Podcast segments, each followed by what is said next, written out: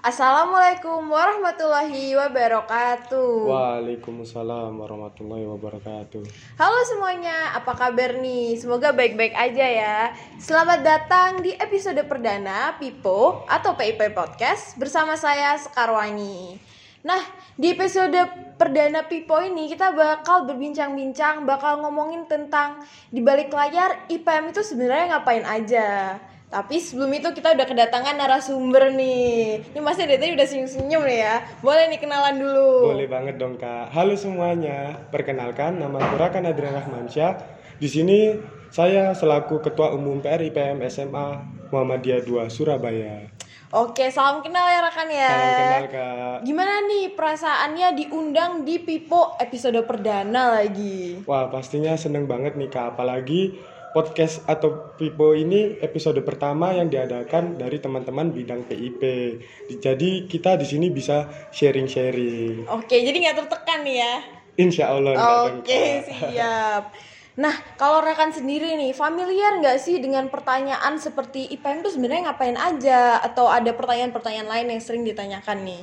Pastinya kalau berbicara mengenai familiar atau tidaknya, pastinya familiar dong kak. Apalagi memang teman-teman di luar PR IPM SMA Muhammadiyah 2 Surabaya atau teman-teman di luar IPM bertanya-tanya mengenai apa sih itu IPM, apa bedanya IPM dengan organisasi di sekolah lain, lalu kira-kira bagaimana cara memanajemen di dalam organisasi IPM, lalu kira-kira IPM selain mengadakan event itu ngapain aja sih dan lain sebagainya gitu kak. Oke, jadi ini emang masih lumayan banyak ya yang belum terlalu paham tentang IPM itu ngapain aja dan lain sebagainya. Nah, ngomong-ngomong nih ya Kak Rakan, kita kan udah kenalan nih, aku udah perkenalan, tadi Kak Rakan juga ada perkenalan.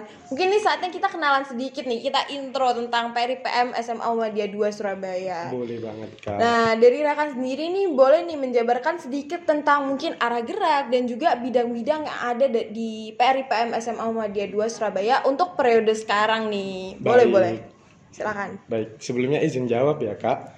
Untuk arah gerak sendiri, yang pertama di sini saya akan menjelaskan atau menjabarkan mengenai arah gerak PR IPM SMA Muhammadiyah 2 Surabaya di periode 2021-2022. Jadi arah gerak di periode kali ini kita memberi kebijakan PR IPM SMA Muhammadiyah 2 Surabaya periode 2021-2022 diarahkan pada penguatan ideologi IPM, lalu komunikasi baik secara eksternal maupun internal, kekompakan atau kesolidaritasan, juga pengembangan sistem organisasi IPM yang progresif dan efektif, lalu pengembangan serta pemberdayaan pelajar pada pengembangan dan peningkatan mutu kegiatan siswa atau siswi di SMA Muhammadiyah 2 Surabaya. Jadi, jadi di arah gerak periode kali ini memang kita fokuskan kepada penguatan ideologi dalam ber-IPM Kak. Lalu komunikasi kita juga tingkatkan karena seperti yang kita tahu di dalam kita berorganisasi pastinya sering atau biasa terjadi yang namanya miskomunikasi Kak. Bener Jadi kita harus banget, perbaiki itu yang namanya iya. komunikasi. Selain itu juga kita pastinya meningkatkan kekompakan serta kesolidaritasan karena di dalam kita berkelompok, kita berorganisasi, kita bekerja sama pastinya harus dan diperlukan yang namanya teamwork atau kerjasama gitu kak. Selain itu juga di sini kita mengembangkan sistem organisasi IPM periode ini lebih progresif dan efektif dan juga kita mengembangkan atau memperdaya, memperdayakan pelajar pada pengembangan dan peningkatan mutu di siswa atau siswinya di SMA Muhammadiyah 2 Surabaya kak. Oke, jadi untuk arah gerak sendiri nih emang fokusnya tuh mulai dari kesolidaritasan Betul dan banget. juga ke IPM-an dan juga tadi eh, ada komunikasi ya. Iya betul banget Oke. Nah, kalau tadi itu udah arah gerak nih ya. Kalau dari untuk bidang-bidang sendiri nih untuk periode sekarang ini bidang-bidangnya ada berapa dan boleh disebutin tuh apa aja nih yang ada di bidang-bidang tersebut. Oke kak, untuk bidang-bidang di periode kali ini ada enam bidang kak. Yang pastinya enam bidang itu ada beberapa bidang wajib. Yang pertama ada bidang umum atau teman-teman lebih familiar dengan nama tim inti. Lalu selain bidang umum juga ada bidang PKD, perkaderan, ada bidang KDI, kajian dakwah, kajian dakwah Islam, lalu ada bidang PIP, pengkajian ilmu pengetahuan, bidang ASBU dan yang terakhir bidang Ipmawati gitu kak. Oke, nah ngomong-ngomong nih ya, untuk bidang umum sendiri nih, di periode kali ini tuh komponennya ada siapa aja nih? Ada apa aja? Oke, untuk bidang umum di periode kali ini, kita yang pertama pastinya ada ketua umum, saya sendiri, lalu yang kedua ada sekretaris umum, lalu yang ketiga ada bendahara umum, dan yang terakhir ada wakil bendahara umum satu. Oke, jadi di sekarang ini untuk periode sekarang ini ada empat komponen ya. Iya, betul. Kalau periode lalu tuh kalau nggak salah ada tiga komponen nih ya. Iya kak, periode lalu cuma tiga komponen. Oke, jadi emang bisa di adjust, bisa disesuaikan ya dengan situasi dan kondisinya Iya ya. bener banget. Jadi memang untuk komponennya kita sesuaikan dan kita aplikasikan sesuai kebijakan di periodenya gitu kak. Oke, nah kalau tadi nih kita udah kenalan mulai dari arah gerak dan juga bidang-bidang. Kan di sini nih teman-teman tuh sering kepo nih. IPM tuh sebenarnya selain event tuh ngapain? Iya. Atau kontribusinya ke teman-teman tuh sebenarnya harusnya ngapain sih?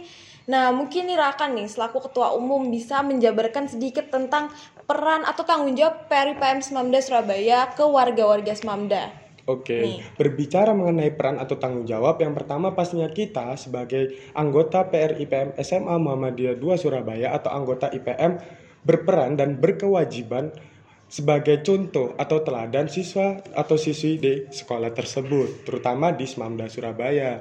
Dan juga selain itu kita selain mengadakan event-event, mengadakan kegiatan-kegiatan yang sifatnya event mungkin dan sejenisnya, kita juga berperan dan berkewajiban mengadakan yang namanya media aspirasi bagi warga Semamda untuk menjadikan Semamda lebih baik ke depannya gitu Kak. Jadi ini kontribusinya itu adalah sebagai media aspirasi Betul warga banget. Semamda dan juga sebagai peran- perantara ya Iya, antara betul banget, warga. Semamda dan juga guru-guru nih. Ya, Oke, kalau ngomong-ngomong nih ya, sebagai perantara, sebagai media aspirasi, sebagai wadah, ada nggak sih contoh program kerja yang menggambarkan poin tadi itu? Ada pastinya Kak. Cuman kayaknya untuk program kerja aku beri contoh beberapa aja Iya, ya Kak. boleh banget. Kalau banyak takutnya ini kelamaan ya.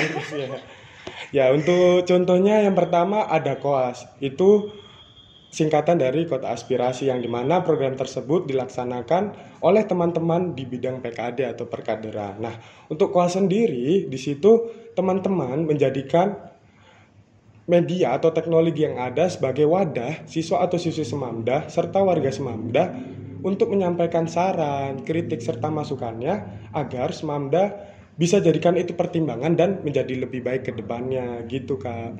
Oke, jadi ini ada koas gitu ya. Kalau koas sendiri ini merupakan eh, program kerja rutin tahunan atau merupakan program kerja inovasi baru di periode sekarang ini. Sebetulnya untuk KOAS sendiri di periode lalu sudah coba dicetuskan Kak akan tetapi belum maksimal untuk menjalankan atau Mm-mm.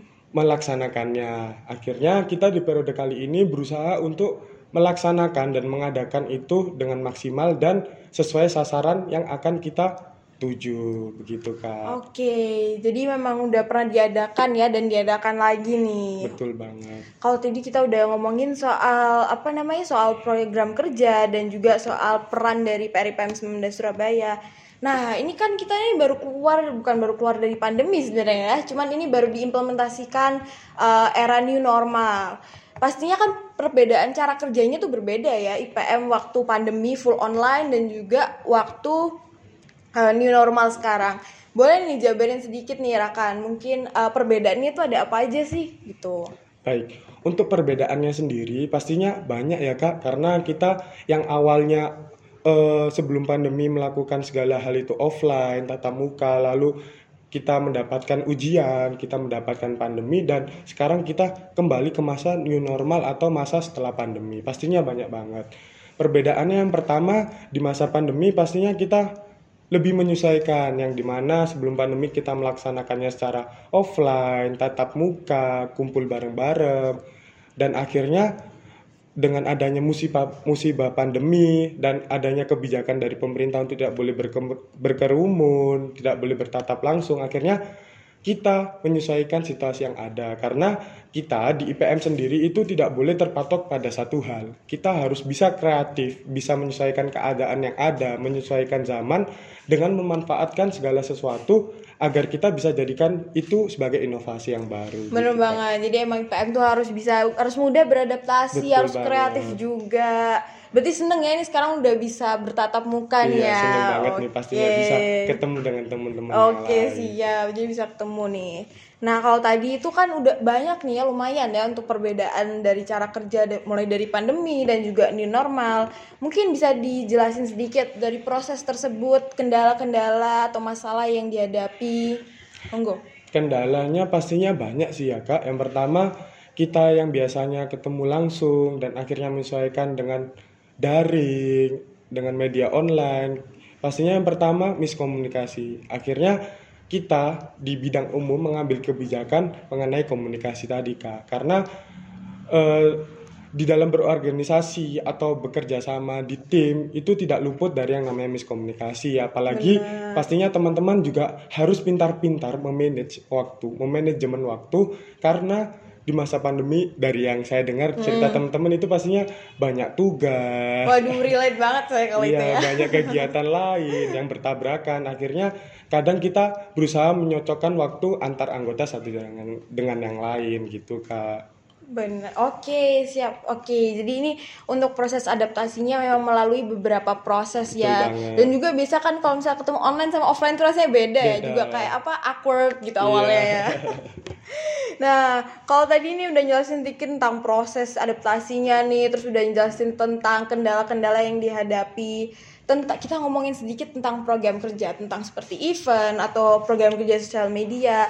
Biasa untuk tahap-tahap proses realisasi program kerja itu gimana sih? Ini mungkin banyak yang kepo juga nih ya. Eh, kira-kira realisasinya maksudnya itu kayak gimana itu, Kak? Mungkin kalau saat membuat sebuah event gitu, gimana apa mulai dari pembuatan uh, Oh, agendanya dan lain sebagainya. Oke. Jadi kalau kita teman-teman IPM mengadakan event atau kegiatan-kegiatan sejenisnya pastinya yang pertama kita membuat atau membentuk kepanitiaan. Mulai dari timpel atau tim pelaksana mulai dari si acaranya si pubdekdok publikasi dekorasi dokumentasi lalu ada juga si perlengkapan si konsumsi dan sejenisnya sesuai event yang kita adakan gitu kak Oke, terus setelah pembentukan kepanitiaan nih, berarti ini ada berapa nih biasa panitianya? Kalau kepanitiaan biasanya kan ada timpel, si acara, pubdekdok, eh, perlengkapan, konsumsi itu yang biasanya, yang istilahnya wajib lah kalau di Oke. dalam event. Jadi ada lima. Oke, jadi tadi udah habis kebentuk ke pembentukan pemati, pe- kepena- kepanitiaan. Ini saya excited banget nih ya kayaknya. Setelah pembentukan kepanitiaan itu lanjut pembagian job desk dan lain sebagainya, Iya, terus persiapan banget. gitu ya. Iya, setelah Waduh. membentuk konsep, teknis dan lain sebagainya Oke, gitu wah Kak. rumit juga ya sebenarnya Iya. ya, kompleks ya. Ini jadi Dan behind the scene ya.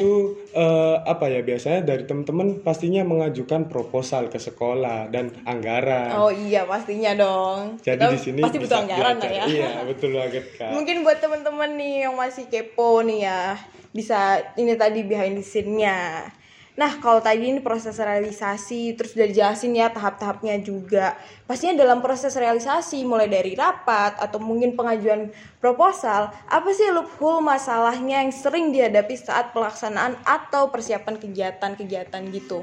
Eh, kalau permasalahan atau kendala mungkin ya kak yang pertama pastinya eh, kita menyesuaikan waktu antar anggota tadi kak lalu yang kedua eh, kita juga selain menyesuaikan antar anggota kita menyesuaikan waktu dengan pembina dan pihak guru. Karena kita yang istilahnya masih mengemban amanah sebagai siswa dan mengajukan atau membutuhkan juga bantuan sekolah terkait anggaran itu kita harus sering-sering komunikasi dengan pihak-pihak guru. Karena eh, selain kita butuh bantuan beliau-beliau beliau juga eh, memiliki hak untuk tahu apa sih yang kita laksanakan kira-kira bermanfaat atau tidaknya dan sasaran yang kita tuju sesuai atau tidak dan lain sebagainya gitu kak Oke. jadi penyesuaian waktu biasanya dan kadang juga permasalahannya itu eh itu tadi Kak, kita kan harus menyesuaikan nih yang biasanya pandemi ke new normal. normal. Jadi mungkin ada orang tua yang masih khawatir dan Oh lain iya, sebagainya. banget. Jadi kita tetap jaga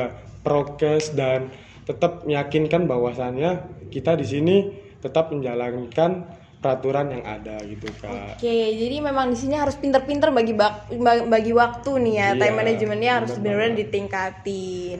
Terus jangan lupa izin loh ya kalau Iya, misalnya pastinya, rapat dan lain sebagainya ya. pastinya. Nah, kalau tadi nih udah ngomongin tentang struggle dan masalah-masalah yang dihadapi. Tadi kan kita udah bahas mulai dari perkenalan secara umum, mulai arah gerak dan lain sebagainya. Di luar poin-poin tadi nih, dari Rakan sendiri mau apa yang disampaikan seperti teman-teman biasanya tuh salah mengartikan apa sih yang tentang IPM dari pengalaman atau seobservasinya Rakan nih? Oke, berbicara mengenai uh, IPM di mata halayak umum gitu ya, Kak uh, teman-teman di luar IPM terutama di PR IPM SMA Muhammadiyah 2 Surabaya biasanya uh, sedikit salah mengartikan. Teman-teman dari yang saya dengar ya kak biasanya IPM itu kok cuman apa ya istilahnya ngadain event aja sih IPM kok cuman kerjanya gitu-gitu aja rapat terus iya. diskusi ngadain event buat proposal anggaran. Kok IPM apa ya menjaga jarak dengan warga Semanda. Kok IPM uh, apa ya istilahnya tidak membuka supaya warga Semanda itu bisa menampung aspirasinya. Nah, di sini saya mau meluruskan sedikit teman-teman bahwasanya itu semua tidak benar. Karena kurang lebih seperti yang saya jelaskan tadi, kita PRIPM SMA Muhammadiyah 2 Surabaya berkewajiban dan Selainnya bertanggung jawab, yang pertama kita harus bisa menjadi contoh warga atau siswa-siswi Semanda, mulai dari berpakaian, mulai dari waktu sholat dan lain sebagainya. Karena kita di sini uh, bisa dibilang uh, wadah atau uh, apa ya istilahnya kita dijadikan sebagai pihak guru itu ayo kamu bisa jadi teladan bagi teman-teman okay. gitu. Terus untuk yang masalah uh, ada jarak dengan warga Semamda atau siswa atau siswi itu salah. Karena kita IPM sendiri itu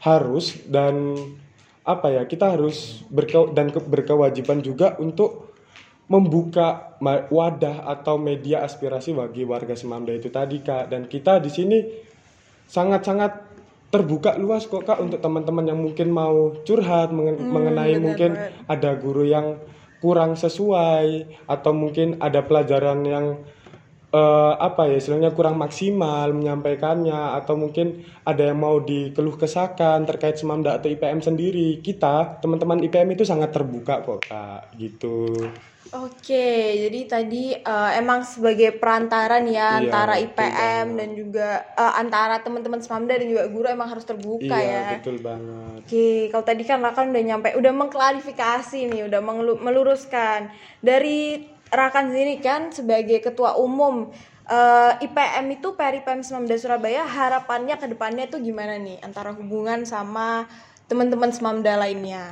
Oke, kalau dari saya pribadi, dari aku pribadi berharap pastinya IPM di periode ini semakin progresif dan semakin lebih baik ke depannya. Apalagi kita mulai masuk di masa new normal yang di mana kita harus bisa tetap memanfaatkan teknologi yang ada tetapi mengaplikasikan atau mengimplementasikannya di masa sekarang. Terus uh, saya berharap teman-teman di luar IPM dan teman-teman yang ada di IPM itu semakin erat silaturahminya dan tidak ada jarak di antara kita serta saya berharap tidak ada istilahnya isu-isu atau uh, apa ya kasarannya omongan-omongan yang kurang tepat mengenai IPM okay. gitu kak. Jadi kita uh, coba teman-teman klarifikasi dulu apakah benar IPM seperti itu karena kita sebetulnya terbuka kok kak. Oke, semoga harapan-harapannya tadi bisa terkabulkan Amin. dan sukses selalu buat PR IPM SMA Muhammadiyah 2 Surabaya Amin. dan pastinya sukses selalu buat Raka nih selaku, ya, selaku ketua kak. umum. Sukses selalu juga. Kak. Amin. Makasih banyak nih udah sharing-sharing ke di Pipo tentang IPM dan semoga tadi apa yang disampaikan bisa menjadi informasi yang bermanfaat. Nah, teman-teman, itu tadi episode episode perdana dari Pipo. Dan sebelum aku tutup, buat teman-teman yang masih kepo atau pengen tahu tentang Peri PM SMA Muhammadiyah 2 Surabaya, bisa langsung aja nih follow TikTok dan Instagram kita only on at SBY. Saya Sekarwangi, izin undur diri. Terima kasih banyak yang udah dengerin sampai akhir. See you on the next episode. Nun wal kalami wa turun. Wassalamualaikum warahmatullahi wabarakatuh. Bye bye.